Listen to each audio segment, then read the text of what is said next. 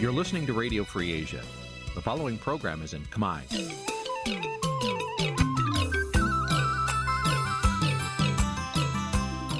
Nǐ chi càm bi tiệp xáy vệt chiu a zì sê ray នេះជាកម្មវិធីផ្សាយរបស់ Vithu Azisari ជាភាសាខ្មែរ វត្តឈូអាស៊ីសេរីសូមស្វាគមន៍លោកអ្នកនាងទាំងអស់ពីរដ្ឋធានី Washington នៃសហរដ្ឋអាមេរិក បាទខ្ញុំបាទយ៉ងច័ន្ទដារាសូមជម្រាបសួរលោកអ្នកនាងអ្នកស្ដាប់វិទ្យុអាស៊ីសេរីទាំងអស់ជាទីមេត្រីបាទខ្ញុំបាទសូមជូនកម្មវិធីផ្សាយសម្រាប់យប់ថ្ងៃប្រហ័ស8កើតខែបោះឆ្នាំថោះបัญចស័កពុទ្ធសករាជ2567ដែលត្រូវនឹងថ្ងៃទី18ខែមករាគ្រិស្តសករាជ2023បាទជាដំបូងនេះសូមអញ្ជើញអស់លោកអ្នកនាងស្ដាប់ព័ត៌មានប្រចាំថ្ងៃដែលមានមេត្តាដូចតទៅ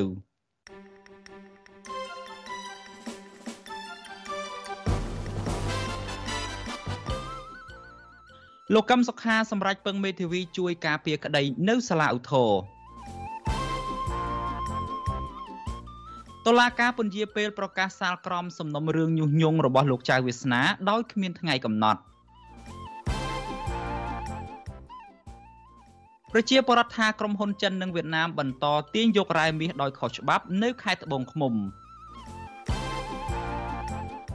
បាទសេចក្តីរាយការណ៍ផ្ទាល់ថាតើដំណើរទស្សនកិច្ចរបស់លោកហ៊ុនម៉ាណែតនៅអឺរ៉ុបបានលទ្ធផលអ្វីខ្លះជូនដល់ប្រជាជាតិខ្មែររួមនឹងព័ត៌មានសំខាន់ៗមួយចំនួនទៀត។បាទជាបន្តទៅទៀតនេះខ្ញុំបាទយ៉ងច័ន្ទដារាសូមជូនព័ត៌មានទាំងនេះពឺស្ដាបា ទលោកនាងជាទីមេត្រីលោកនាយរដ្ឋមន្ត្រីហ៊ុនម៉ាណែតបានចំណាយរយៈពេលមួយសប្តាហ៍ដើម្បីចូលរួមវេទិកាសេដ្ឋកិច្ចពិភពលោកនៅទីក្រុងដាវ៉ូសប្រទេសស្វីសនិងទស្សនកិច្ចផ្លូវការរបស់លោកទៅកាន់ប្រទេសបារាំងលោកហ៊ុនម៉ាណែតអះអាងថាដំណើរទស្សនកិច្ចទៅអឺរ៉ុបនេះគឺដើម្បីគោះទ្វារស្វែងរកអ្នកវិនិយោគបរទេសទៅបណ្ដាក់ទុនរកស៊ីនៅកម្ពុជាដើម្បីបង្កើតការងារជូនប្រជាពលរដ្ឋនិងជំរុញសេដ្ឋកិច្ចជាតិ បាទដំណើរទស្សនកិច្ចលើកដំបូងរបស់លោកហ៊ុនម៉ាណែតទៅកាន់តំបន់អឺរ៉ុបជាលើកដំបូងនេះគឺចាប់តាំងពីលោកបានក្លាយជានាយករដ្ឋមន្ត្រីកម្ពុជាហើយក៏មានប្រជាពលរដ្ឋចេញស្វាគមន៍លោកផង និងមានពលរដ្ឋចេញធ្វើបាតកម្មតវ៉ាប្រឆាំងនឹងរូបលោកផងដែរថាតើដំណើរទស្សនកិច្ចរបស់លោកហ៊ុនម៉ាណែតនៅពេលនេះទទួលបានលទ្ធផលអ្វីខ្លះសម្រាប់ប្រជាជាតិខ្មែរបាទសូមលោកអ្នកនាងរងចាំស្ដាប់ការបកស្រាយដោយផ្ទាល់អំពីរឿងនេះពីសំណាក់លោកថាថៃនៅពេលបន្តិចទៀតនេះ។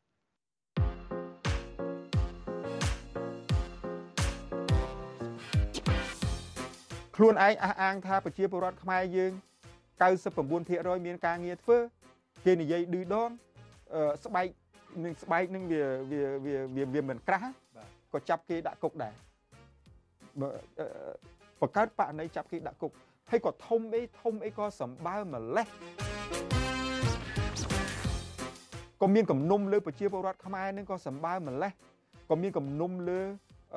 ប្រជាពលរដ្ឋខ្មែរដែលមានមតិផ្ទុយនឹងក៏សម្បើមក៏សម្បើម្លេះល្មមហើយសូអ្វីដែលបងនិយាយនឹងមិនបងនិយាយបញ្ចេញមតិតាមម្នាក់ឯងទេគឺថាប្រជាពលរដ្ឋខ្មែរយើងនៅក្នុងអ្នកប្រើប្រាស់បណ្ដាញសង្គម Facebook ហ្នឹងគេនិយាយពេញណាពេញណីហ្នឹងប៉ុន្តែជួនកាលគ្នាក៏មិនអាចនិយាយបញ្ចេញមតិបានគ្រប់លក្ខណៈគ្រប់បែបគ្រប់ជ្រុងគ្រប់ជ្រោយដែរព្រោះយើងរស់នៅក្នុងសហព្រោះពួកគាត់រស់នៅក្នុង ទឹកដីនៃប្រទេសមួយកំពុងតែមានការគៀបសង្កត់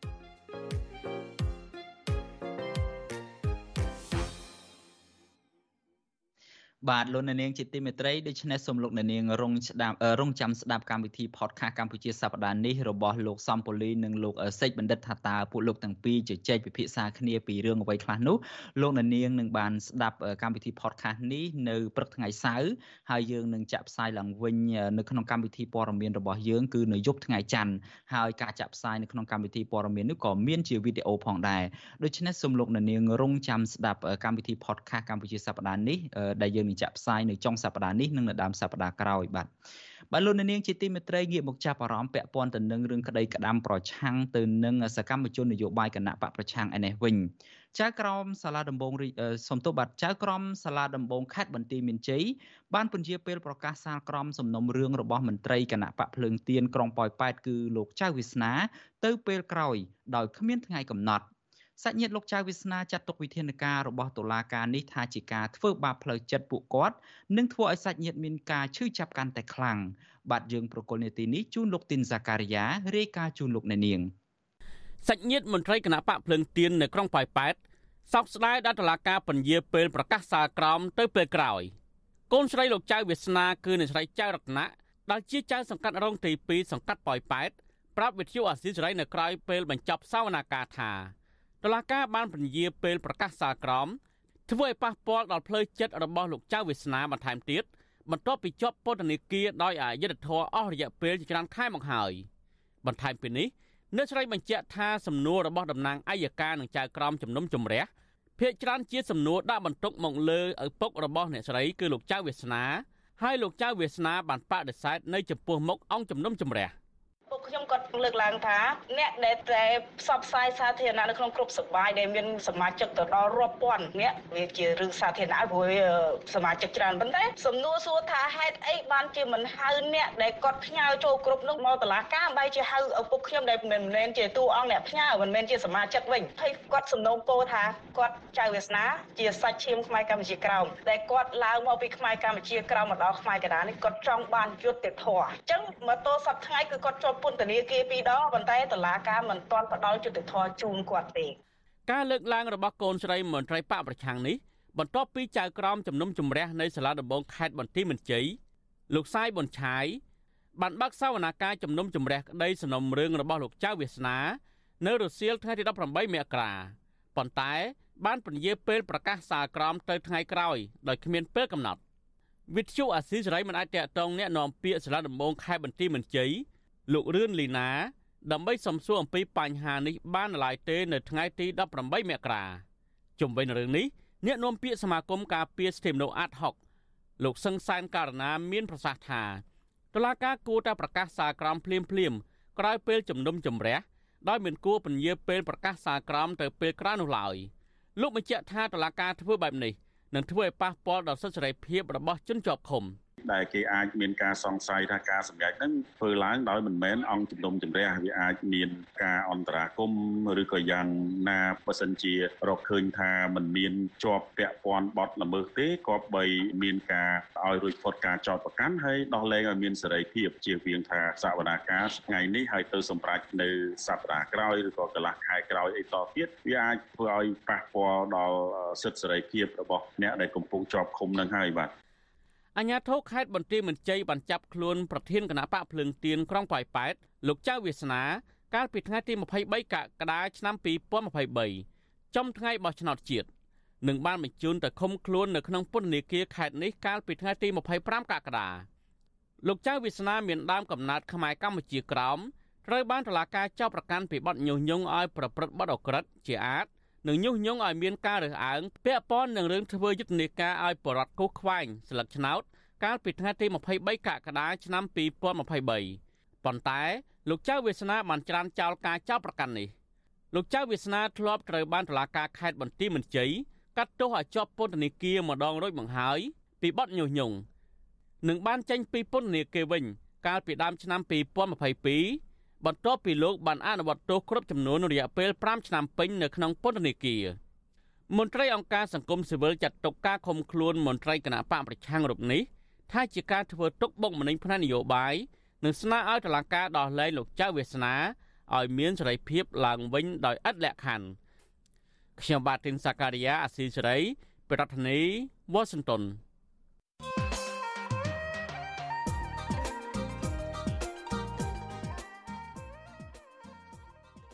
បាទលោកអ្នកនាងជាទីមេត្រីការបោះឆ្នោតព្រឹទ្ធសភានឹងប្រព្រឹត្តទៅនៅថ្ងៃទី20សំទោសគឺថ្ងៃទី25ខែកុម្ភៈខាងមុខគណៈបកភ្លើងទៀននិងគណៈបកកម្លាំងជាតិកំពុងតែប្រទៀងប្រទង់គ្នានៅឡើយដើម្បីទទួលបានអង្គបោះឆ្នោតថាតើគណៈបកទាំងពីរនេះគួរតែស្វែងរកយុទ្ធសាស្ត្រយ៉ាងណាដើម្បីទទួលបានអាសនៈព្រឹទ្ធសភានោះបាទសូមលោកអ្នកនាងរងចាំស្ដាប់នីតិវេទិកាអ្នកស្ដាប់វិទ្យុអាស៊ីសេរីដែលនឹងជជែកអំពីបញ្ហានេះនៅយប់ថ្ងៃសុក្រស្អែកនេះកុំបីខាន បាទលោកអ្នកនាងអាចបញ្ចេញមតិយោបល់ឬមួយក៏សួរសំណួរដោយដាក់លេខទូរស័ព្ទរបស់លោកអ្នកនាងនៅក្នុងប្រអប់ខ្ទង់ comment Facebook YouTube និង Telegram ដែលអាស៊ីសេរីផ្សាយផ្ទាល់នៅពេលនោះបាទក្រុមការងាររបស់យើងនឹងតាក់ទងទៅលោកអ្នកនាងវិញបាទសូមអរគុណ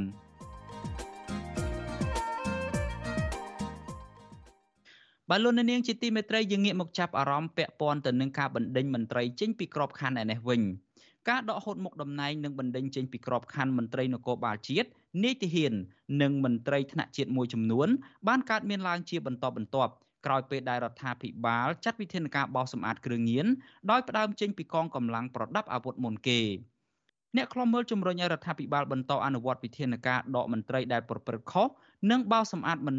និងបោសសម្អាតអំពើពុករលួយគ្រប់ស្ថាប័នដោយមិនប្រកាន់បពពួកឬខ្សែស្រឡាយនោះឡើយ បាទអ្នកស្រីសុជីវីរាយការណ៍ព័ត៌មាននេះអ្នកខ្លំមើលសាទរចំពោះចំណាត់ការរបស់ក្រសួងមហាផ្ទៃទៅលើមន្ត្រីខលខូចពាក់ព័ន្ធនឹងគ្រឿងញៀននិងបំផ្លាញប្រយោជន៍ជាតិប៉ុន្តែក្នុងពេលជាមួយគ្នាក៏ជំរុញឲ្យក្រសួងបង្ហាញដំណាភាពជំវិញចំណាត់ការរបស់ខ្លួនទៅលើមន្ត្រីទាំងនោះជៀសវាងប៉ះពាល់ដល់មន្ត្រីល្អដែលគ្មានបកពួកទីប្រឹក្សាគណៈបកកម្លាំងជាតិលោករងឈុនប្រាប់វិទ្យុអាស៊ីសេរីនៅថ្ងៃទី18ខែមករាថា លោកចង់ឃើញរដ្ឋាភិបាលបន្តអនុវត្តវិធានការនេះប្រកបដោយតម្លាភាពគ្មានការលើកលែងចំពោះមន្ត្រីគ្រប់ជាន់ថ្នាក់និងមិនត្រូវអស់រឿងនិន្នាការនយោបាយមកពាក់ព័ន្ធដើម្បីកម្ចាត់មន្ត្រីស្អាតស្អំនោះឡើយ។ ចឹងត្រូវតែបោះសម្អាតពីលើចុះក្រោមហើយក៏មានបពពុកខ្សែស្រឡាយហើយឲ្យវាមានថាឈរលើឯករាជ្យភាពជាវៀងគេថាអ្នកដែលមាននានាការឬមួយមានមតិផ្ទុយត្រូវទទួលរងគ្រោះដោយសារបញ្ហាទាំងអស់នេះបាទជួនកាលទៅគាត់មិនបានប្រព្រឹត្តហងដោយសារតែគាត់មានទស្សនៈផ្ទុយអាចរងគ្រោះកន្លងមកវាមានបញ្ហាកើតឡើងចឹងច្រើនដែរបាទការលើកឡើងនេះបន្ទាប់ពីរដ្ឋមន្ត្រីក្រសួងមហាផ្ទៃ លោកសសុខាកាលពីថ្ងៃទី10ខែមករាបានចេញនូវសេចក្តីប្រកាសលុបឈ្មោះមន្ត្រីពន្ធនាគារចំនួន5រូបដែលចំណុះអគ្គនាយកដ្ឋានពន្ធនាគារចេញពីក្របខ័ណ្ឌក្រសួងមហាផ្ទៃដោយមូលហេតុប្រើប្រាស់គ្រឿងញៀនជាមួយគ្នានេះនាយទាហានចំនួន2រូបទៀតត្រូវបានក្រសួងការពារជាតិលុបឈ្មោះចេញពីក្របខ័ណ្ឌផងដែរក្រោយរកឃើញជាប់ពាក់ព័ន្ធការប្រើប្រាស់គ្រឿងញៀន នៅរយៈពេលចុងក្រោយនេះមានមន្ត្រីនគរបាលមន្ត្រីថ្នាក់ខេត្តនិងនីតិហ៊ានមួយចំនួនដែលមានតំណែងចាប់ពីវរៈសេនីយ៍រហូតដល់ដំសេនីយ៍ទោផ្កាយ2ត្រូវបានបណ្តេញចេញពីក្របខ័ណ្ឌនិងទម្លាក់ពីតួនាទីមន្ត្រីដែលត្រូវស្ថាប័នពាក់ព័ន្ធបណ្តេញចេញទាំងនោះភាគច្រើនមកពីក្រសួងមហាផ្ទៃដោយពួកគេទាំងនោះត្រូវរកឃើញថាល្មើសវិន័យការងារនិងប្រព្រឹត្តអំពើពុករលួយរហូតជាប់ពាក្យប្តឹងនៅតុលាការក្រោយពេលបញ្ចប់តួនាទី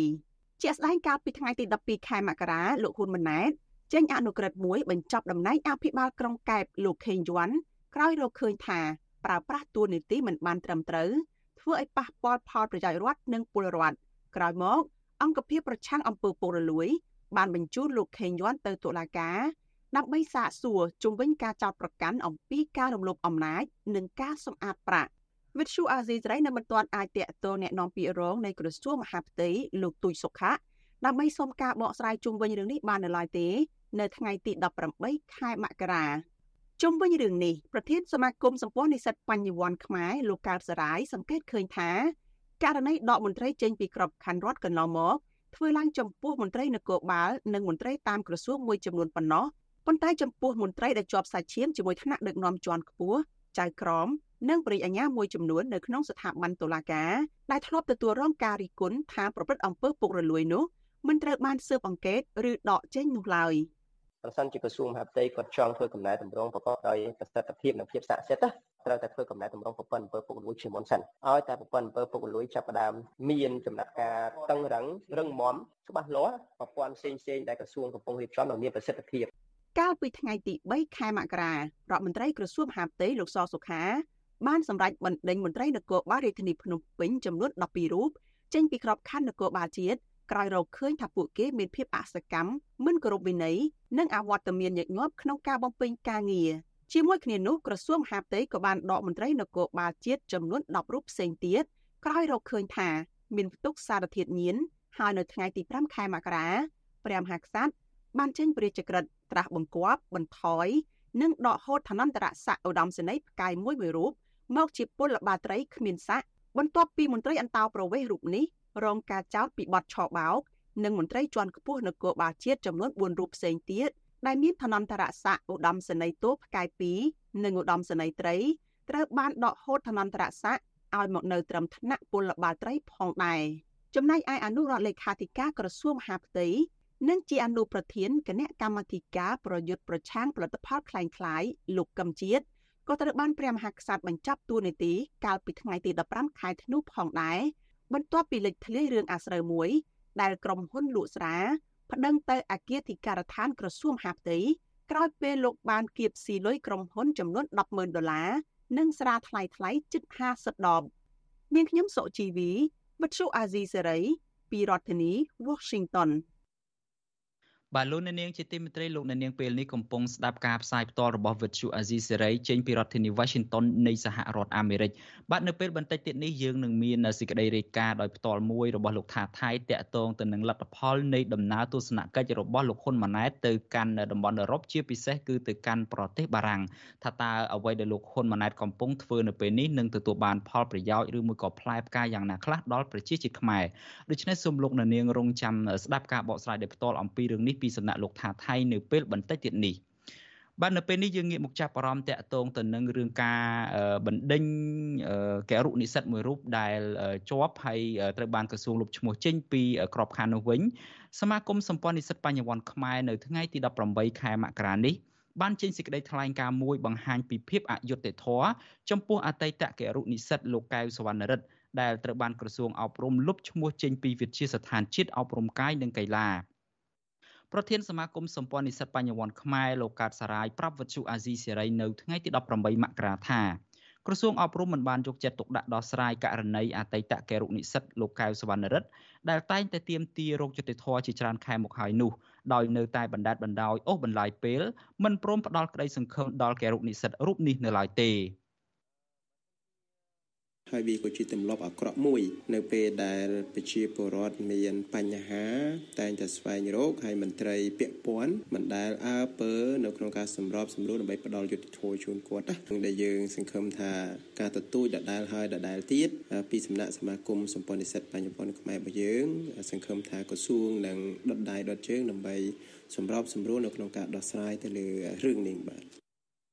បាទ សមាគមសម្ព័ន្ធនិស្សិតបញ្ញវន្តខ្មែរអំពាវនាវឲ្យក្រសួងអប់រំយុវជននិងកីឡា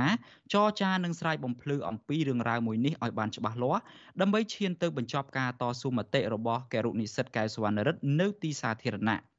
បាទវិទ្យុអាស៊ីសេរីនៅមិនទាន់អាចតាក់ទងសុំការបំភ្លឺរឿងនេះពីអ្នកនាំពាក្យក្រសួងអប់រំយុវជននិងកីឡាអ្នកស្រីខួនវិជ្ជការនិងរដ្ឋមន្ត្រីក្រសួងអប់រំលោកហងជួននរុនបាននៅឡើយទេ នៅថ្ងៃទី18ខែមករានេះ។ បាទលោកកែសវណ្ណរិទ្ធនិងអតីតគរុនិស្សិត11នាក់ផ្សេងទៀតត្រូវបានលុបឈ្មោះចេញពីក្របខ័ណ្ឌគរុសិស្សនៃវិទ្យាស្ថានជាតិអប់រំកាយនិងកីឡាកាលពីថ្ងៃទី28ខែធ្នូឆ្នាំ2021លោកកែសវណ្ណរិទ្ធវ័យ21ឆ្នាំតែងតែលើកបដាតវ៉ានៅខាងមុខក្រសួងអប់រំយុវជននិងកីឡាជារៀងរាល់ថ្ងៃច័ន្ទដើម្បីទាមទាររោគយុតិធធជាង2ឆ្នាំមកហើយហើយពេលខ្លះក៏ទទួលរងការរំខាននឹងអំពើហិង្សាពីសំណាក់អាជ្ញាធរក៏មាន។ កម្មវិធី Vithu Azizi ស្រីសម្រាប់ទូរស័ព្ទដៃអាចឲ្យលោកអ្នកនាង អានអត្ថបទទស្សនាវីដេអូនិងស្ដាប់ការផ្សាយផ្ទាល់ដោយឥតគិតថ្លៃនិងដោយគ្មានការរំខានដើម្បីអាននិងទស្សនាមេតិការថ្មីថ្មីពី Vithu Azizi ស្រីលោកអ្នកនាងគ្រាន់តែចុចបាល់កម្មវិធីរបស់ Vithu Azizi ស្រីដែលបានដំឡើងរួចរាល់លើទូរស័ព្ទដៃរបស់លោកអ្នកនាង។ ប្រសិនបើលោកអ្នកនាងចង់ស្ដាប់ការផ្សាយផ្ទាល់ឬការផ្សាយចាស់ចាស់សូមចុចលើប៊ូតុងរូបវិទ្យុដែលស្ថិតនៅផ្នែកខាងក្រោមនៃកម្មវិធីជាការស្ដាយ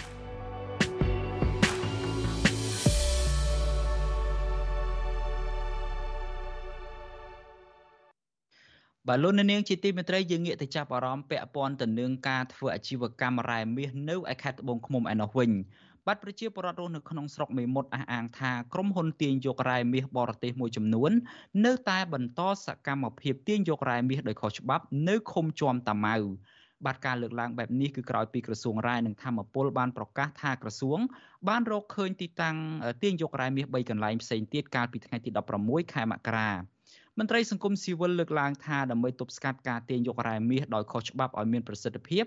រដ្ឋាភិបាលគួរតែមានចំណាត់ការផ្លូវច្បាប់ឲ្យបានតឹងរឹងទៅលើក្រុមឈ្មួញទុច្ចរិតនិងអាជ្ញាធរពាក់ព័ន្ធបាទលោកជីវិតារាយការណ៍ព័ត៌មាននេះជូនលោកអ្នកនាងប្រជាពលរដ្ឋមួយចំនួនរស់នៅស្រុកមេមត់ខេត្តត្បូងឃ្មុំលើកឡើងដូចដូចគ្នាថាបើទោះបីជាក្រសួងរាយនឹងធម្មពលបានធ្វើយុទ្ធនាការលុបបំបាត់អាជីវកម្មរ៉ែមាសខុសច្បាប់នៅតំបន់សំពៅលូន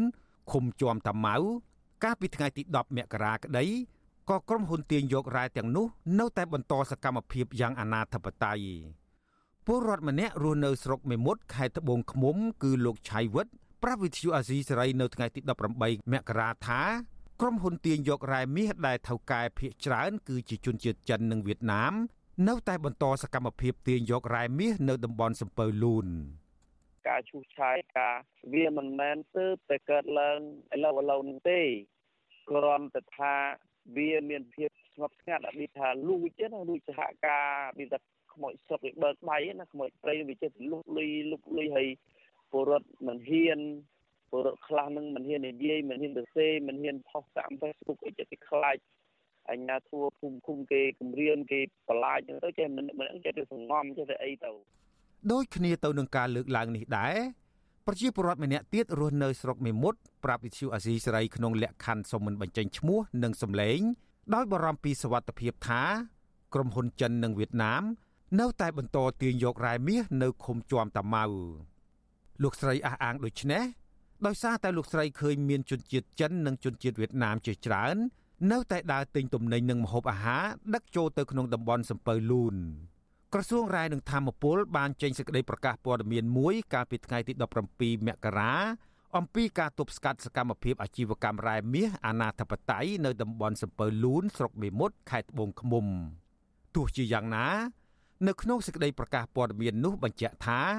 ក្រសួងមិនមានវិធានការច្បាប់ទៅលើម្ចាស់ទីតាំងទាញយករ៉ែមាសទាំងនោះឡើយ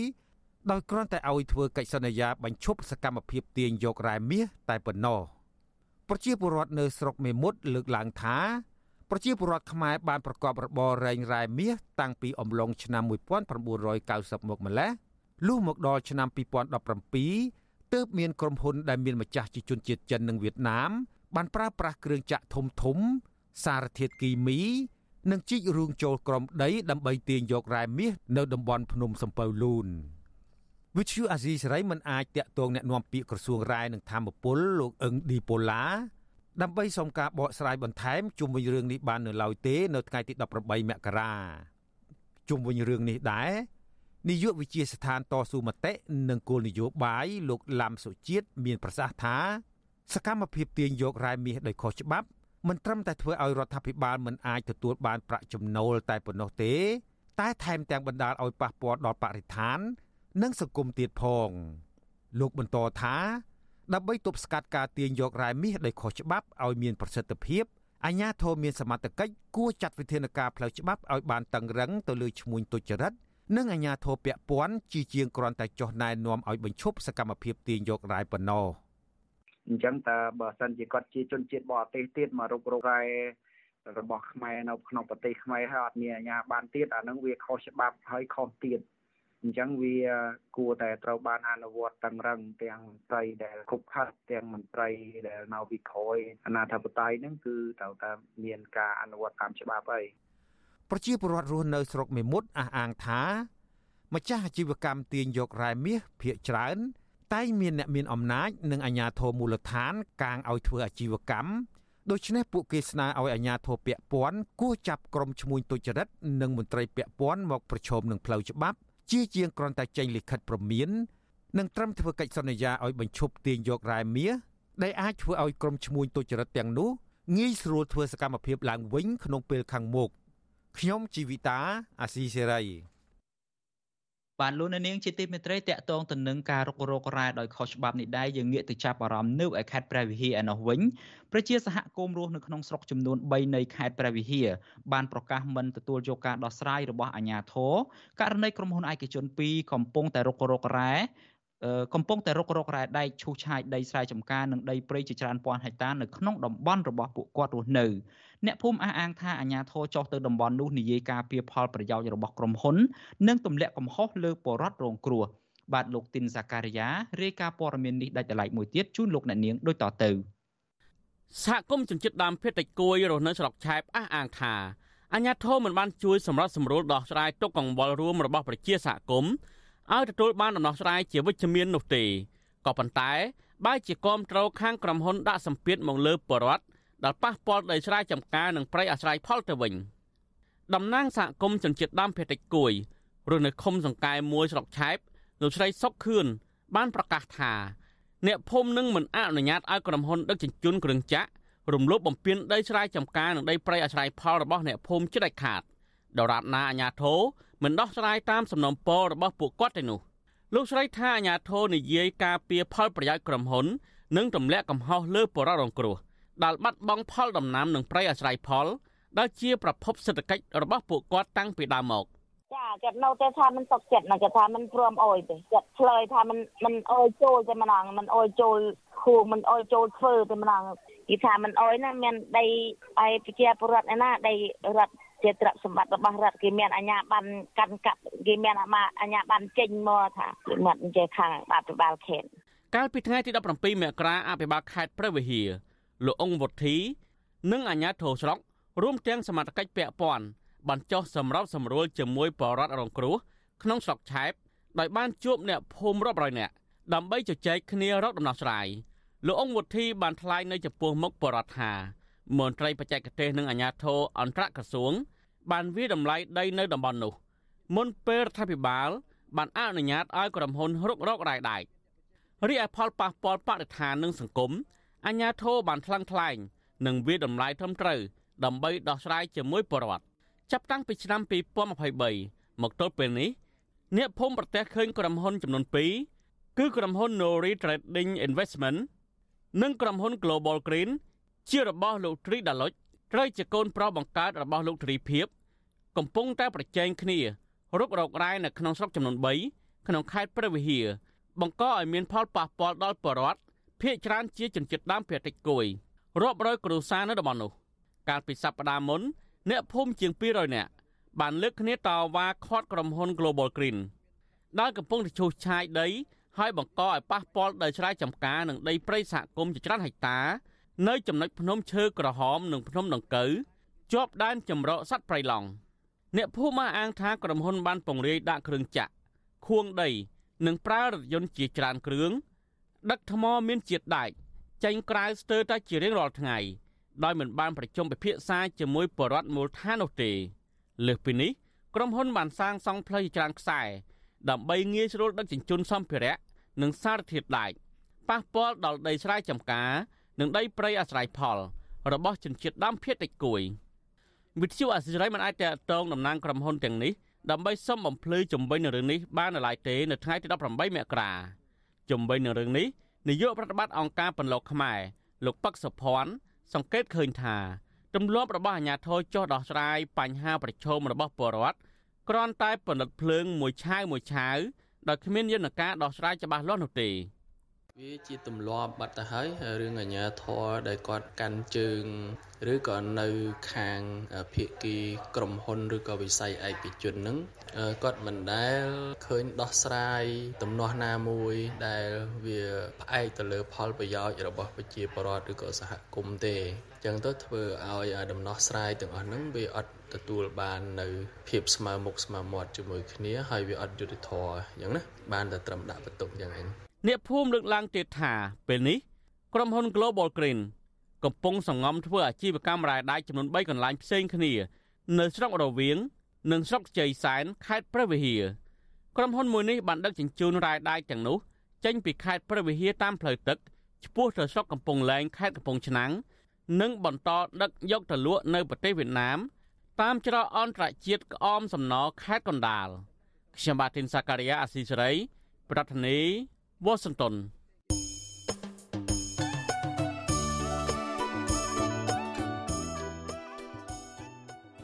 បាទលោកអ្នកនាងជាទីមេត្រីដំណើរគ្នានឹងស្ដាប់ការផ្សាយរបស់វិទ្យុអាស៊ីសេរីនៅតាមបណ្ដាញសង្គម Facebook YouTube និង Telegram លោកអ្នកនាងក៏អាចស្ដាប់ការផ្សាយរបស់យើងតាមវិទ្យុរលក ធាតុអាកាសខ្លីឬមួយក៏ Shortwave បានដែរគឺតាមកម្រិតនិងកម្ពស់ដូចតទៅនេះពេលព្រឹកចាប់ពីម៉ោង5កន្លះដល់ម៉ោង6កន្លះ តាមរយៈប៉ុស SW 93.90 MHz ស្មើនឹងកម្ពស់ 32m និងប៉ុស SW 11.85 MHz ស្មើនឹងកម្ពស់ 25m ពេលយប់ចាប់ពីម៉ោង7កន្លះដល់ម៉ោង8កន្លះតាមរយៈប៉ុស SW 93.30 MHz ស្មើនឹងកម្ពស់ 32m ប៉ុស SW 11.88 MHz ស្មើនឹងកម្ពស់ 25m និងប៉ុស SW 15.15 MHz ស្មើនឹងកម្ពស់ 20m បាទសូមអរគុណបាទលោកនាងជាទីមេត្រីឆ្លៀតនៅក្នុងឱកាសនេះដែរខ្ញុំបាទសូមជម្រាបជូនលោកនាងកញ្ញាថាការផ្សាយផ្ទាល់របស់យើងនៅតាមបណ្ដាញសង្គមនារយៈពេលថ្មីថ្មីចុងក្រោយនេះសូម្បីតែថ្ងៃនេះតែម្ដងនៅពេលដែលយើងកំពុងផ្សាយផ្ទាល់នេះគឺថាយើងទទួលបាននៅការបញ្ចេញមតិយោបល់ផ្ទួនផ្ទួនដដែលដដែលរបៀបវាយលុកយ៉ាងច្រើនសន្ធឹកសន្ធាប់ បាទការបញ្ចេញយោបល់ទាំងនោះហាក់ដូចជាមានលក្ខណៈជាប្រព័ន្ធនិងរៀបចំទុកជាមុន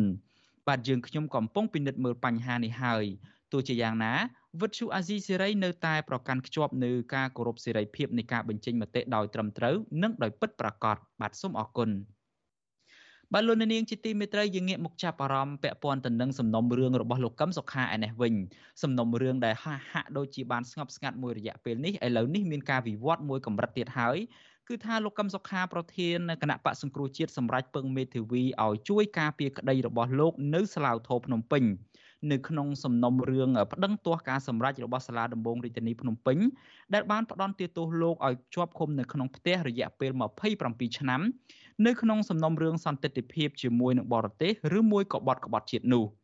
ទោះជាយ៉ាងណាមន្ត្រីគណៈបកកណ្ដាលអំណាចបាននិយាយមុនការសម្រេចរបស់តុលាការថា លោកកឹមសុខាទំនងជាមិនទទួលបានលទ្ធផលល្អពីតុលាការជាន់ខ្ពស់មួយនេះឡើយបាទលោកសេចបណ្ឌិតរាយការណ៍ព័ត៌មាននេះជូនលោកអ្នកនាងដូចតទៅមេធាវីការពីក្តីរបស់លោកកម្មសុខា នៅសាលាធរមិនមានច្រើនដោយការពីការពីក្តីមេបកប្រឆាំងរូបនេះនៅតុលាការជាន់ទាបនោះទេ គឺមានតែមេធាវីមួយរូបប៉ុណ្ណោះអតីតប្រធានគណៈការឡៃនិងជាមនុស្សជំនិតលោកកម្មសុខា គឺលោកមុតចន្ទថាប្រាប់បទសុអាស៊ីសេរីថាពេលនេះ លោកកម្មសុខា បានបំពេញបែបបត់តាមនីតិវិធីទៅតុលាការរួចរាល់ហើយប៉ុន្តែបដិសេធមិនធ្វើអត្ថាធិប្បាយអ្វីបន្ថែមនោះទេ ចំណែកអតីតមេធាវី របស់លោកកំសខាម្នាក់ទៀតគឺលោកមេធាវីផែងហេងឲ្យវិទ្យុអាស៊ីសេរីដឹងដែរថាលោកកំសខាពឹងមេធាវី លោកអាងឧត្តមតែម្នាក់ប៉ុណ្ណោះដើម្បីការពារក្តីក្នុងសវនាការសាលាធរនាពេលខាងមុខនេះដូចគ្នានេះដែរ មេធាវីការពារក្តីលោកកំសខាគឺលោកអាងឧត្តមឲ្យវិទ្យុអាស៊ីសេរីដឹង នៅថ្ងៃទី18មករាថាលោកបានដាក់ពាក្យសុំការពារក្តីជូលកម្មសុខា ទៅតុលាការ និងសូមថតចម្លង សំណុំរឿងលោកកម្មសុខា ពីតុលាការរួចរាល់ហើយដែរតែទោះយ៉ាងណា លោកមេធាវីមិនទាន់ហ៊ានគិតថាកូនក្តីរបស់លោកអាចនឹងទទួលបានយុត្តិធម៌ពីសាលាធរឬក៏យ៉ាងណានោះទេ យើងគ្រាន់តែធ្វើកិច្ចការរបស់យើងឲ្យត្រឹមត្រូវតាមនីតិវិធីតាមភារកិច្ចកតបកិច្ចរបស់យើងលទ្ធផលយ៉ាងណាយើងអត់ទាន់បានរំពឹងថាយ៉ាងម៉េចទេស្លាធរភ្នំពេញ បានចេញដីកាកោះបង្គាប់ឲ្យលោកកម្មសុខាចូលសវនាការកាលពីថ្ងៃទី30ខែមករាក្រោយពីមេបកប្រឆាំងរូបនេះប្តឹងទាស់សេចក្តីសម្រេចរបស់សាលាដំបងរាជធានីភ្នំពេញជិត1ឆ្នាំទម្រាំសាលាធររៀបចំបើកសវនាការមេបកប្រឆាំងរូបនេះ សម្រេចប្តឹងទៅសាលាធរភ្នំពេញកាលពីខែមីនាឆ្នាំ2023ក្រោយពេលសាលាដំបងរាជធានីភ្នំពេញផ្ដន្ទាទោសឲ្យលោកជាប់ឃុំក្នុងផ្ទះរយៈពេល27ឆ្នាំព្រមទាំងរារាំងសិទ្ធិធ្វើនយោបាយនិងមិនអាចមានទំនាក់ទំនងជាមួយជនទាំងឡាយណាក្រៅពីសាច់ញាតិជិតស្និទ្ធរបស់លោកឡើយតកតងរឿងនេះអ្នកនាំពាក្យគណៈបកប្រជាជនកម្ពុជា លោកសុកអេសានយល់ថា សំណុំរឿងលោកកម្មសខា ជាបញ្ហាផ្លូវច្បាប់មិនជាប់ពាក់ព័ន្ធនឹងរឿងនយោបាយឡើយទោះយ៉ាងណាអ្នកនាំពាក្យគណៈបកកណ្ដាលអំណាចរូបនេះបាននិយាយនៅមុនការសម្រេចរបស់តុលាការថាលោកកម្មសខាមិនអាចទទួលបានលទ្ធផលជាវិជ្ជមានឡើយព្រោះក្រុមរបស់លោកកម្មសខា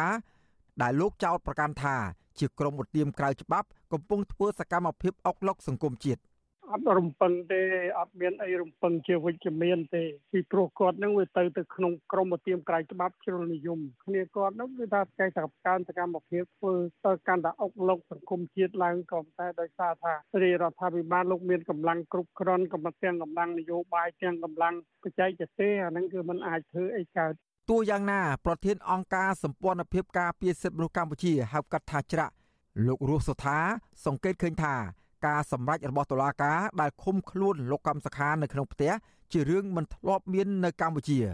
ហើយសំណុំរឿងនេះគឺជាទីចាប់អារម្មណ៍របស់សហគមន៍ជាតិនិងអន្តរជាតិ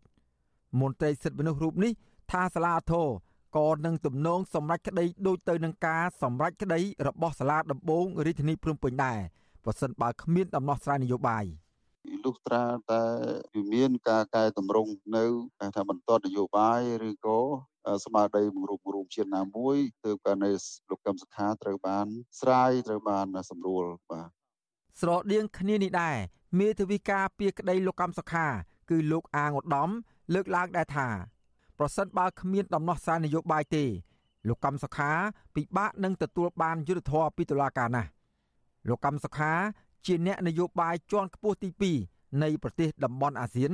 ដែលត្រូវតុលាការដាក់ឃុំក្នុងផ្ទះក្នុងរយៈពេល27ឆ្នាំ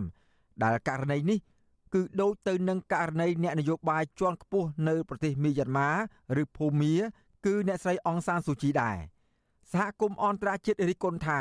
ចំណាត់ការរបស់តុលាការជាការដើរខុសឆ្គងប្រព័ន្ធយុត្តិធម៌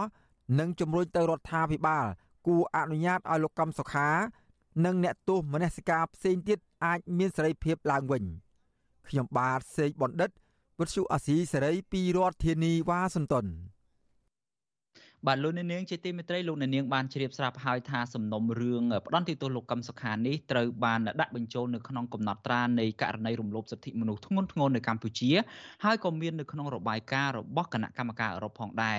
ហើយករណីលោកកឹមសុខានេះគឺជារឿងរំលោភសិទ្ធិមនុស្សមួយដែលសហគមន៍ជាតិនិងអន្តរជាតិកំពុងតែតាមដាន លោកហ៊ុនម៉ាណែតដែលកំពុងមានវត្តមាននៅឯតំបន់អឺរ៉ុបជាពិសេសនៅប្រទេសបារាំងនោះបានជួបអ្នកវិនិយោគជាបន្តបន្ទាប់ហើយយើងចង់ដឹងថាតើលោកបកស្រាយយ៉ាងណាអំពីស្ថានភាពរំលោភសិទ្ធិមនុស្សនេះទៅកាន់ក្រុមអ្នកជំនួញបរទេសទាំងនោះបាទនៅពេលបន្តិចទៀតនេះលោកថាថៃនៃវិទ្យុអាស៊ីសេរីនឹងចូលខ្លួនមកបកស្រាយលម្អិតអំពីដំណើរទស្សនកិច្ចរបស់លោកហ៊ុនម៉ាណែតទៅកាន់សហភាពអឺរ៉ុបជាពិសេសទៅកាន់ប្រទេសបារាំងនោះឯងសូមលោកអ្នកនាងរងចាំស្ដាប់ការបកស្រាយអំពីរឿងនេះនៅពេលបន្តិចទៀតនេះ ឥឡូវនេះយើងងាកមកចាប់អារម្មណ៍ពាក់ព័ន្ធទៅនឹងព័ត៌មានមួយទៀតគឺតាក់ទងទៅនឹងទំនាក់ទំនងរវាងកម្ពុជានិងចិនរដ្ឋាភិបាលកម្ពុជាត្រៀមស្វាគមន៍លំហូរចូលនៃអ្នកជំនួញនិងភ្ញៀវទេសចរចិនដោយរំភឹងថានឹងបន្តហូរចូលមកកម្ពុជាកាន់តែច្រើននៅក្នុងឆ្នាំ2024នេះគឺបន្ទាប់ពីភាគីកម្ពុជានិងចិនជ្រើសរើសឆ្នាំនេះឲ្យបើកលំហឲ្យមានការផ្លាស់ប្តូរប្រជាជននិងប្រជាជនរវាងប្រទេសទាំងពីរ។ ទោះជាបែបនេះក្តីអ្នកតាមដានកិច្ចការសង្គមនិងពលរដ្ឋព្រួយបារម្ភថាកម្ពុជាអាចនឹងខាតបង់ច្រើនជាងទទួលបានផលចំណេញនៅក្នុងកិច្ចសហប្រតិបត្តិការនេះដោយសារតែអ្នកចំនួនចិនមួយចំនួនចូលមកកម្ពុជាប្រកបរបរខុសច្បាប់និងដណ្ដើមមុខរបរពីពលរដ្ឋម្ចាស់ស្រុកបាទលោកមានរិទ្ធរាយការណ៍អំពីរឿងនេះអ្នកតាមដានកិច្ចការសង្គមយល់ថាការជំរុញឲ្យមានកំណើនទេសចរអន្តរជាតិនិងអ្នកជំនួញបរទេសគឺជារឿងសំខាន់ក្នុងការចូលរួមចំណែកលើកស្ទួយសេដ្ឋកិច្ចជាតិ ក៏ប៉ុន្តែរដ្ឋាភិបាលក៏មិនគួរមើលរំលងក្នុងការទប់ស្កាត់អ្នកជំនួញទុច្ចរិតនិងការបង្កបញ្ហាអសន្តិសុខសង្គមដោយជនបរទេសនោះដែរអ្នកសិក្សាកិច្ចការសង្គមនិងនយោបាយលោកប៉ៅមករាប្រាវិឈូស៊ីស្រីនៅថ្ងៃទី18ខែមករាថា ការផ្លាស់ប្តូរប្រជាជនចិនមកកម្ពុជានៅក្នុងឆ្នាំ2024នេះគឺជាកិច្ចសហប្រតិបត្តិការមួយរបស់ប្រទេសចិនកុម្មុយនីសនៅក្នុងយុទ្ធសាស្ត្រពង្រីកសេដ្ឋកិច្ចនិងអធិបតេយ្យរបស់ខ្លួន ជាជាងផ្ដល់នូវផលចំណេញជាដុំកំភួនសម្រាប់កម្ពុជាលោកមើលឃើញថានៅក្នុងទំនាក់ទំនងកម្ពុជាចិនសប្តាហ៍នេះ ចិនហាក់ពុំបានជួយដល់កម្ពុជាដោយស្មោះត្រង់នោះទេតាមរយៈការនាំទេសចរនិងអ្នកជំនួញចិនមកកម្ពុជាខណៈទីតាំងមានជនជាតិចិនរស់នៅច្រើននៅតាមបណ្ដាខេត្តមួយចំនួនដូចជាក្រុងព្រះសីហនុជាដើមសម្បូរទៅដោយរឿងរ៉ាវអាស្រូវនិងបទល្មើសឧក្រិដ្ឋលើពីនេះទៀត លោកប្រួយបារម្ភថាការផ្លាស់ប្តូរប្រជាជននិងប្រជាជន អាចជាឱកាសសម្រាប់ឲ្យអ្នកជំនួញឆបោកតាមអនឡាញឬអ្នកជំនួញរកស៊ីខុសច្បាប់របស់ចិនចូលមកកម្ពុជាកាន់តែច្រើនទៀត ខណៈបញ្ហាអំពើពុករលួយ និងប្រព័ន្ធច្បាប់ទុនខ្សោយរដ្ឋាភិបាលពុំមានការធានាឲ្យមានភាពល្អប្រសើរនៅឡើយបើសិនជាជនជាតិចិនឬក៏អ្នកវិនិយោគដែលមកជាជនដែលដោះប្ដូរនឹងជាប្រជាជនហៅស៊ីផ្លូវងងឹតជាក្រុមអ ுக ្រិតជនក្រុមបោកប្រាស់តាមប្រព័ន្ធអនឡាញក្រុមចាប់ចម្រិតមនុស្សជនក្នុងសង្គមងងឹតចឹងធ្វើបង្កបញ្ហាសម្រាប់កម្ពុជាវិញទេវាបង្កធ្វើឲ្យកម្ពុជានឹងមានកេរ្តិ៍ឈ្មោះនឹងកាន់តែអាប់អួរនៅក្នុងឆាកអន្តរជាតិបន្ថែមទៀតវាមិនមែនជាផលចំណេញសម្រាប់កម្ពុជាទេ កម្ពុជានិងចិនចាត់ទុកឆ្នាំ2024នេះគឺជាឆ្នាំនៃការផ្លាស់ប្តូររវាងប្រជាជនចិននិងប្រជាជនកម្ពុជាក្នុងក្របខ័ណ្ឌកិច្ចសហប្រតិបត្តិការត្បូងពេជ្រដែលអះអាងថាដើម្បីជំរុញវិស័យទេសចរកម្ពុជានិងពង្រឹងទំនាក់ទំនងទ្វេភាគីឲ្យកាន់តែស៊ីជម្រៅនៅក្នុងការកសាងជោគវាសនារួមគ្នា កាលពីថ្ងៃទី13ខែមករាកម្ពុជាក៏បានរៀបចំពិធីផ្លាស់ប្តូរប្រជាជននិងប្រជាជននៅឯខេត្តសៀមរាបដោយក្រសួងទេសចរបង្ហាញពីការបង្កលក្ខណៈងាយស្រួលនៅក្នុងការទទួលទេសចរចិន រដ្ឋមន្ត្រីក្រសួងទេសចរលោកសុកសុកេនថ្លែងក្នុងពិធីនោះថានៅក្នុងឆ្នាំ2019នៅមុនពេលមានវិបត្តិជំងឺ Covid-19 លំហូរភ្ញៀវទេសចរចិនកើនឡើងប្រមាណជាង2លាននាក់ដែលលោកអះអាងថាបានរួមចំណែកយ៉ាងសំខាន់ជួយជំរុញវិស័យសេដ្ឋកិច្ចនិងប្រតិបត្តិការទេសចរនៅកម្ពុជា លោកបានថែមថាចាប់តាំងពីឆ្នាំ2022មកបើទោះបីជាភ្ញៀវទេសចរចិនមកកម្ពុជាថយចុះក្តីក៏សេដ្ឋកិច្ចកម្ពុជាងើបឆាប់រហ័សដោយសារតែកម្ពុជាមានទំនាក់ទំនងល្អជាមួយចិនលើការជំរុញវិស័យទេសចរ ខ្ញុំបាទសង្ឃឹមយ៉ាងមុតមមថាការកំណត់យកឆ្នាំ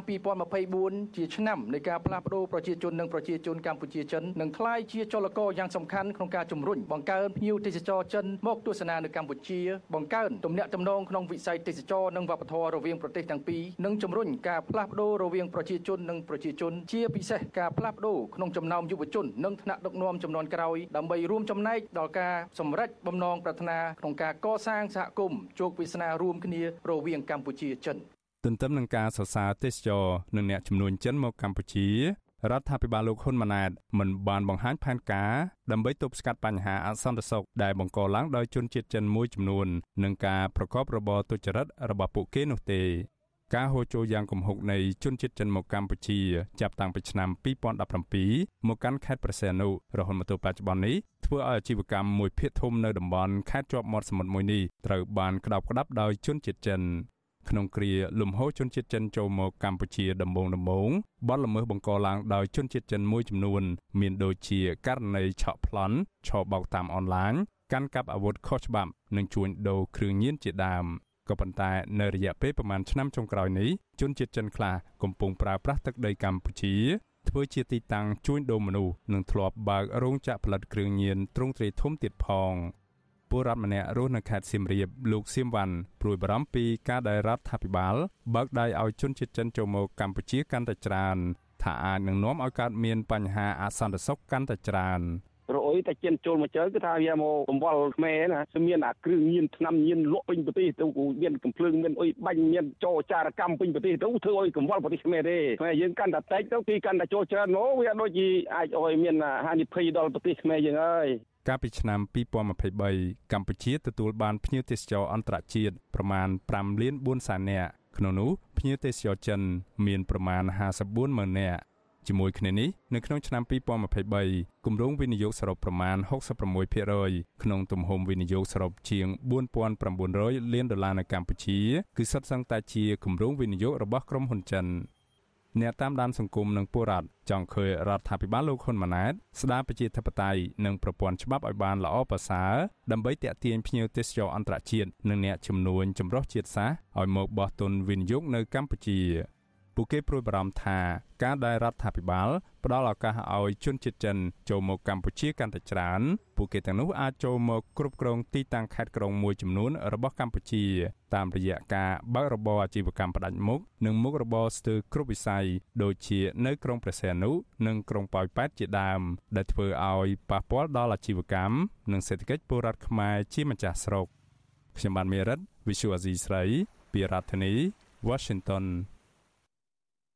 បាទលោកនាងជាទីមេត្រីព័ត៌មានចុងក្រោយដែលវិទ្យុអាស៊ីសេរីទទួលបានពីមន្ត្រីជាន់ខ្ពស់ក្រសួងមហាផ្ទៃពាក់ព័ន្ធទៅនឹងក្តីកង្វល់របស់ប្រជាពលរដ្ឋនិងអ្នកតាមដានកិច្ចការសង្គមនយោបាយតាក់ទងទៅនឹងលំហូរជនជាតិចិនចូលមកកម្ពុជានេះអ្នកនាំពាក្យរងនៃក្រសួងមហាផ្ទៃគឺលោកទូចសុខៈបានទទួលស្គាល់ចំពោះជនជាតិចិនមួយចំនួនចូលមកកម្ពុជាបង្កឲ្យមានការភ័យខ្លាចដល់ប្រជាពលរដ្ឋ ក៏ប៉ុន្តែលោកស្នើឲ្យប្រជាពលរដ្ឋមានជំនឿទៅលើរដ្ឋាភិបាល នៅក្នុងការដោះស្រាយបញ្ហានិងចាត់វិធានការទៅលើបញ្ហាទាំងអស់នេះ។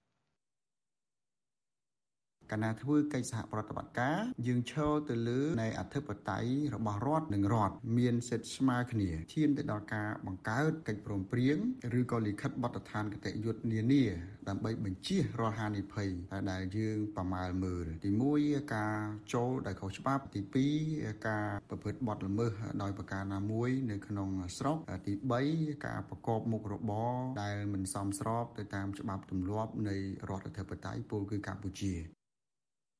លោកទូចសុខៈបញ្ជាក់ទៀតថារដ្ឋាភិបាលបានដាក់ចេញផែនការតឹងរឹងដើម្បីទប់ស្កាត់បទល្មើសនានាតាមរយៈការរឹតបន្តឹងច្រកទ្វារតាមព្រំដែននិងការស៊ើបអង្កេតសម្ងាត់របស់សមត្ថកិច្ចតាមមូលដ្ឋានដើម្បីពិនិត្យមើលលើអាជីវកម្មមិនប្រក្រតីរបស់ជនបរទេសនិងការបង្ក្រាបជាក់ស្ដែងចំពោះជនបរទេសណាដែលល្មើសច្បាប់កម្ពុជា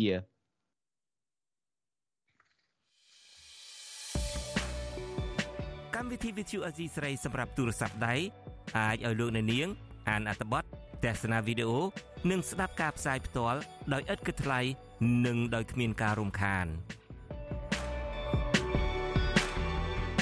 ដើម្បីអាននិងទស្សនាមេតិការថ្មីថ្មីពី Vithu Azizi សេរីលោកអ្នកនាងគ្រាន់តែចុចបាល់កម្មវិធីរបស់ Vithu Azizi សេរី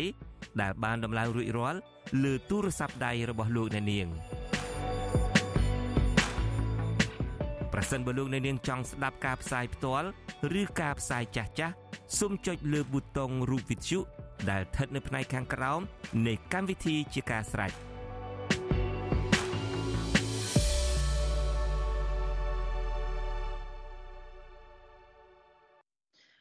បាទលោកនាងជាទីមេត្រីតកតងទៅនឹងដំណើរទស្សនកិច្ចរបស់លោកហ៊ុនម៉ាណែតទៅកាន់តំបន់អឺរ៉ុបជាពិសេសទៅកាន់ប្រទេសបារាំងនោះវិញ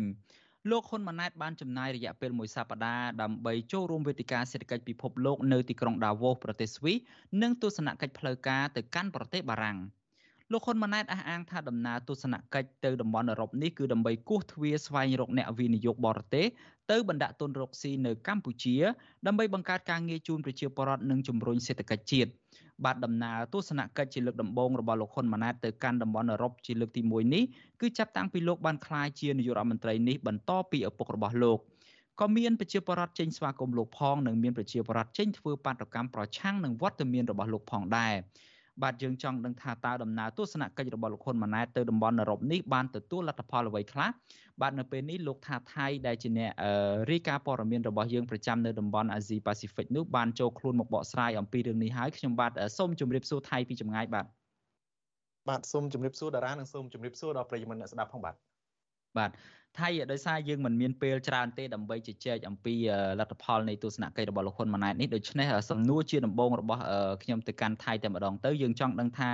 តើថៃបានកត់សម្គាល់យ៉ាងដូចដេចតកតងទៅនឹងដំណើរទស្សនកិច្ចរបស់លោកហ៊ុនម៉ាណែតនេះជាពិសេសយើងបានឃើញហើយថាប្រព័ន្ធផ្សព្វផ្សាយក្នុងស្រុកដែលគ្រប់គ្រងរដ្ឋាភិបាលនឹងមានការផ្សាយប្រងព្រាតណាស់អំពីជំនួបរបស់លោកជាមួយអ្នកនេះអ្នកនោះឲ្យដឹងថាតើយ៉ាងម៉េចវិញចំពោះរឿងនេះថៃបាទ បាទអរគុណតារាបាទដូចយើងបានដឹងហើយថាលោកហ៊ុនម៉ាណែតបានដឹកដៃភរិយារបស់លោកនិងគណៈប្រតិភូរបស់លោកតាមយន្តហោះពិសេសមួយទៅកាន់ប្រទេសបារាំងតាំងពីថ្ងៃទី13ខែមករាមកហើយយើងដឹងហើយថាគ្រាន់តែទៅដល់ទឹកដីបារាំងភ្លាមលោកហ៊ុនម៉ាណែតដែលបានត្រៀមខ្លួនរួចជាស្រេចនោះគឺថាបានបញ្ជូនមន្ត្រីរបស់លោកដើម្បីប្រមូលប្រជាពលរដ្ឋនិងក្រុមនិស្សិតនឹងឲ្យមកជួបនឹងគាំទ្រលោកនឹងគឺបានជួបភ្លាមដើម្បីលោក អួតអាងអំពីការដឹកនាំរបស់លោកអំពីសុខសន្តិភាពអីរបស់លោកអញ្ចឹងទៅបាទនៅក្នុងជំនួបនឹងឲ្យលោកអួតអាងអំពីការដែលប្រធានាធិបតីបារាំងបានហៅលោកទៅប្រទេសបារាំងនឹងហើយនឹងការដែលលោកទៅនឹងគឺថាដើម្បីនាំផលប្រយោជន៍ដល់ប្រទេសកម្ពុជាអីប្រាប់ប្រជាពលរដ្ឋខ្មែរនឹងថែមទាំងចំអកឡកលើទៅដល់មេបកប្រចាំងផងកាលពីថ្ងៃទី14 មករាហ្នឹងហើយបន្ទាប់មកគឺនៅថ្ងៃទី15មករានៅថ្ងៃបន្ទាប់គឺលោកបានជួបជាមួយនឹងតំណាងក្រុមហ៊ុនបារាំងនិងបានចូលរួមកម្មវិធីចំនួន12បាទហើយក្រោយមកទៀតនៅថ្ងៃទី16និង17ហ្នឹងគឺលោកបានធ្វើដំណើរទៅប្រទេសស្វីសដើម្បីចូលរួមនៅក្នុង វេទិកាសេដ្ឋកិច្ចពិភពលោកនៅទីនោះបាទដោយមានតំណាងដោយមានរដ្ឋាភិបាលមេដឹកនាំពិភពលោកប្រទេសទាំងអស់ហ្នឹងមានជាង60រូបហើយរួមទាំងក្រុមអ្នកជំនួយអ្នកនយោបាយផ្សេងផ្សេងមកពីជុំវិញពិភពលោកពីព្រោះវេទិកាសេដ្ឋកិច្ចពិភពលោកនេះជាការផ្ដល់ឱកាសឲ្យមេដឹកនាំប្រទេសក៏ដូចជាអ្នកជំនួយអ្នករកស៊ីនឹងបានជួបប្រជុំគ្នាស្វែងរកឱកាសវិនិយោគនៅតាមប្រទេសរៀងៗខ្លួនបាទនៅក្នុងទាំងនៅប្រទេសបារាំងទាំងនៅប្រទេសស្វីស គឺលោកហ៊ុនម៉ាណែតបានជួបជាមួយនឹងក្រុមហ៊ុនមួយចំនួនដូចជានៅប្រទេសបារាំងជាដើមយើងឃើញថាក្រុមហ៊ុនមួយចំនួននឹងអឺជាក្រុមហ៊ុនដែលមានឈ្មោះរកស៊ីនៅក្នុងប្រទេសកម្ពុជាស្រេចទៅហើយហើយក្រុមហ៊ុនមួយចំនួនទៀតគឺជាក្រុមហ៊ុនថ្មីថ្មោងដែលលោកហ៊ុនម៉ាណែតបានណាត់ជួបនឹងហើយនៅប្រទេសស្វីសគឺមានក្រុមហ៊ុនមួយចំនួនដែរដូចជាក្រុមហ៊ុនខ្លះមកពីចិនក្រុមហ៊ុនខ្លះនៅសង្ហបុរី ក្នុងជំនួបទាំងអស់នឹងយើងសង្កេតឃើញថាក្រុមហ៊ុនទាំងអស់គឺមិនបានបង្ហាញអំពីបំណងក្នុងការចូលមករកស៊ីនៅក្នុងប្រទេសកម្ពុជានោះទេបាទសូមបញ្ជាក់ថានៅក្នុងការជួបជាមួយនឹងក្រុមហ៊ុននោះគឺភាគីរដ្ឋាភិបាលកម្ពុជាទេគឺជាអ្នកណាត់ជួបឲ្យក្រុមហ៊ុននឹងចូលមកជួបដើម្បីប្រាប់គេអំពីឱកាសមករកស៊ីនៅក្នុងប្រទេសកម្ពុជាមិនមែនក្រុមហ៊ុនទាំងអស់នោះចង់ជួបនៅមេដឹកនាំកម្ពុជានោះទេបាទដូច្នេះ ការដែលតំណាងក្រុមហ៊ុននឹងចូលទៅជួបនឹងគឺអឺគ្រាន់តែបានស្ដាប់ឱកាសការរៀបរាប់អំពីលោកនាយករដ្ឋមន្ត្រីហ៊ុនម៉ាណែតទៅហើយបន្ទាប់មកក្រុមហ៊ុនខ្លះក៏បានថ្លែងសារអគុណអីជជែកធម្មតាក៏ប៉ុន្តែយើងឃើញថាមកដល់ពេលនេះមិនទាន់មានក្រុមហ៊ុនធំធំណាមួយដែលបានជួបលោកហ៊ុនម៉ាណែតនឹងប្រកាសថានឹងមកបោះលុយឬក៏បោះទុនវិនិយោគនៅក្នុងប្រទេសកម្ពុជានោះទេបាទអឺ ថៃសុំកាត់ត្រង់ហ្នឹងបន្តិចថៃសុំកាត់ត្រង់ហ្នឹងបន្តិចខ្ញុំក៏បានឃើញដែរនៅលើបណ្ដាញសង្គម Facebook ហ្នឹងថៃក៏ប្រកាសជាបានឃើញដែរមានការ comment ច្រើនណាស់ពីសំណាក់អ្នកកុំអ្នកប្រើប្រាស់បណ្ដាញសង្គមហ្នឹងថាជួបហ្នឹងក៏ចេះតែជួបទៅតាំងពីជំនាន់ឪពុករបស់លោកគឺលោកហ៊ុនសែនហ្នឹងគឺថាឲ្យទៅទៅក្រៅហ្នឹងគឺថាអះអាងថាបានជួបក្រុមហ៊ុននេះក្រុមហ៊ុននោះរាប់សិបក្រុមហ៊ុនហើយដំណើររបស់លោកហ៊ុនម៉ាណែតពេលនេះហ្នឹងគឺថាក៏ទៅគៀកោអ្នកវិនិយោគអីអញ្ចឹងដែរជាពិសេសគេហៅថានយោបាយដើរតាក់មួយរបស់គាត់ហ្នឹងណា ក៏ប៉ុន្តែ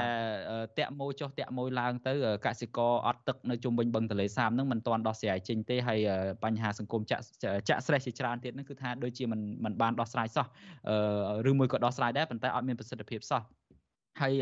ថាតើស្ថានភាពនៅពេលនេះនៅពេលដែលគាត់ដើរតាក់មួយតាក់តងគេអីបែបនេះថាតើហេតុអីបានជាមកដល់ពេលនេះដោយថៃបានរៀបរាប់មិញថាក្រុមហ៊ុនធំធំហ្នឹងដូចជាមិនទាន់ឃើញបង្ហាញអំពីបំណងក្នុងការវិនិយោគនៅកម្ពុជាជាពិសេសហ្នឹងមិនទាន់បានឃើញប្រកាសថាគេនឹងមកវិនិយោគលុយរាប់រយលានដុល្លារនៅកម្ពុជាទេហេតុអីបានជាបែបហ្នឹងទៅវិញថៃបាទ បាទតារាចង់បញ្ជាក់មុននឹងចូលសំណួរតារាហ្នឹងចង់បញ្ជាក់ដែរថានៅក្នុងឱកាសហ្នឹងទៅប្រជុំហ្នឹងយើងឃើញថានៅទ្វីបអឺរ៉ុបហ្នឹងគឺជាឱកាសល្អមួយហើយតាមពិតទៅណាបាទអឺគូតែមានឱកាសក្នុងការជួបជាមួយនឹងមេដឹកនាំឬក៏រដ្ឋាភិបាលសំខាន់សំខាន់របស់ប្រទេសនៅអឺរ៉ុបហ្នឹងក៏ប៉ុន្តែទីបំផុតលោកហ៊ុនម៉ាណែតមិនបានជួបជាមួយនឹងរដ្ឋាភិបាល ឬក៏អ្នកចំនួនធំធំប្រមាណនៅទ្វីបអឺរ៉ុបនោះទេបាទឬក៏ក្រុមហ៊ុនធំធំនៅលើពិភពលោកដូចជាមកពីសហរដ្ឋអាមេរិកអីនោះទេ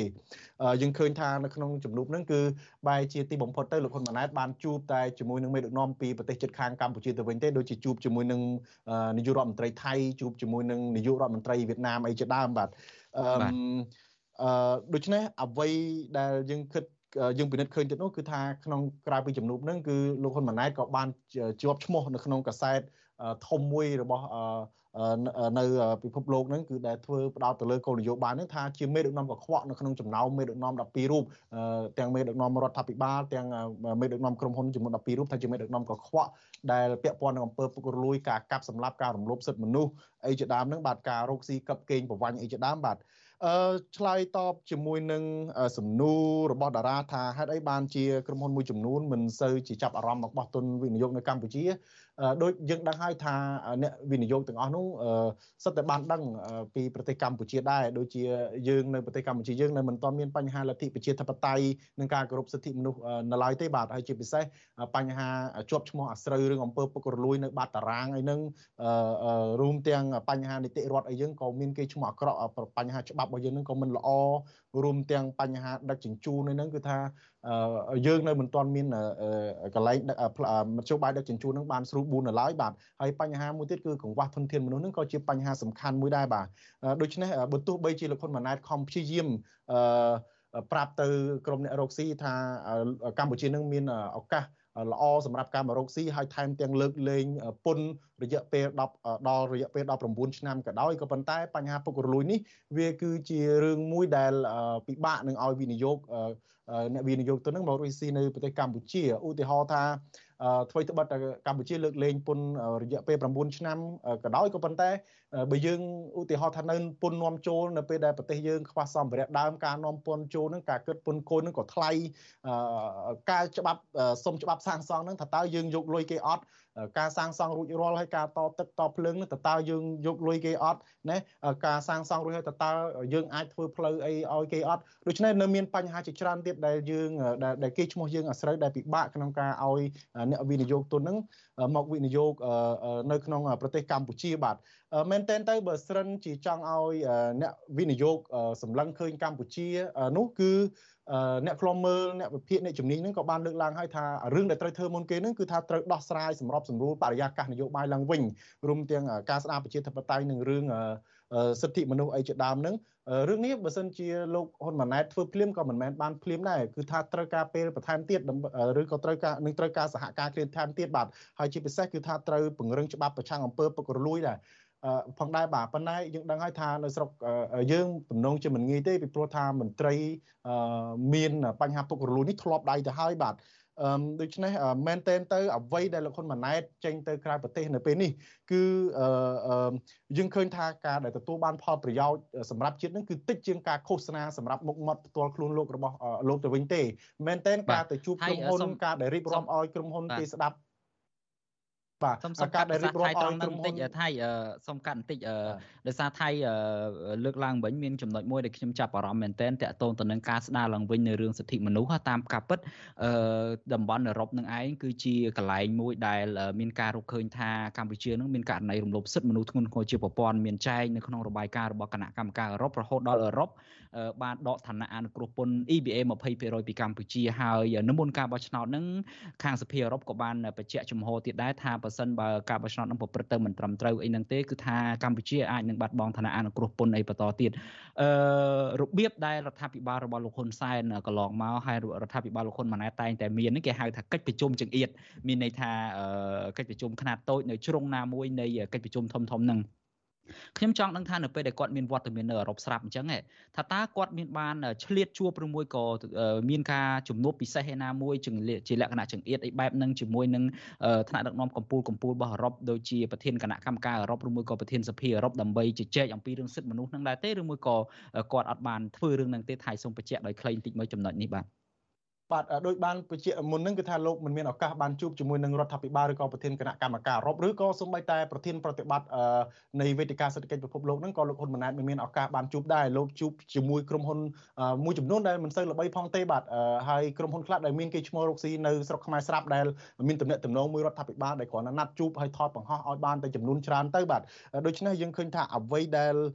កន្លងទៅនឹងលោកហ៊ុនម៉ាណែតខំព្យាយាមជួបនឹងទំនងជាដើម្បីលាងឈ្មោះរបស់លោកដែលធ្លាប់ទៅសហរដ្ឋអាមេរិកកន្លងមកដែលមិនបានជួបជាមួយនឹងមេដឹកនាំក្រុមហ៊ុនធំធំ ដោយនាយករដ្ឋមន្ត្រីថៃដូច្នេះហើយទើបមកដល់ទើបនៅថ្ងៃទៅបារាំងទៅស្វីសហ្នឹងព្យាយាមជួបដែរក៏ប៉ុន្តែដូចខ្ញុំបានលើកឡើងហ្នឹងថាក្រុមហ៊ុនមួយចំនួនជួបហ្នឹងក៏មិនមានលទ្ធផលអ្វីដែរបាទការជួបជារឿងម្យ៉ាងដើម្បីរៀបរាប់អំពីស្ថានភាពប្រទេសតេទៀងការវិនិយោគនៅកម្ពុជាក៏ប៉ុន្តែអ្វីដែលលោកហ៊ុនម៉ាណែតធ្វើនេះគឺត្រូវបានគេមើលឃើញថាការជួបតាក់មួយរបស់លោកគឺដើម្បីតែយកមកប្រាប់ប្រជាពលរដ្ឋប៉ុណ្ណោះមិនមែនជួបតាក់មួយដើម្បីតាក់មួយទេគឺថាទៅទៅជួបដើម្បីយករឿងនេះមកគាត់ប្រាប់អ្នកស្រុកថាបានជួបបានអីក៏ប៉ុន្តែมันបានលទ្ធផលអ្វីនោះទេខុសពីនាយករដ្ឋមន្ត្រីថៃលោកតារាបាទយើងឃើញថានាយករដ្ឋមន្ត្រីថៃបានធ្វើដំណើរទៅចូលរួមប្រជុំនឹងដែរ ដោយជិះយន្តហោះជាមួយអ្នកដំណើរធម្មតាដោយមិនប្រើយន្តហោះពិសេសទេក៏ប៉ុន្តែដំណើររបស់លោកទៅចូលរួមកិច្ចប្រជុំនៅវេទិកាសេដ្ឋកិច្ចពិសេសហ្នឹងបានទាក់ទាញវិនិយោគហើយបានចូលរួមជាមួយជួបជាមួយនឹងអ្នកជំនួញនៅលើពិភពលោកធំធំសំខាន់សំខាន់មែនទែនហើយជួបទាំងគណៈកម្មការអឺរ៉ុបអីជាដើម ហើយក៏នាងថែមទាំងមានការពង្រីកពាណិជ្ជកម្មសេរីរវាងថៃជាមួយនឹងសហភាពអឺរ៉ុបជាមួយនឹងប្រទេសសំខាន់សំខាន់ជាច្រើនទៀតផងខុសពីលោកហ៊ុនម៉ាណែតដែលបានជួបជាមួយនឹងក្រុមហ៊ុនមួយចំនួនតូចហើយក៏មិនមានប្រកាសផ្លូវការថាមករកស៊ីនៅកម្ពុជាដែរបាទ បាទអរគុណថៃតាមពិតខ្ញុំបានឃើញបន្តិចដែរតាក់ទងនឹង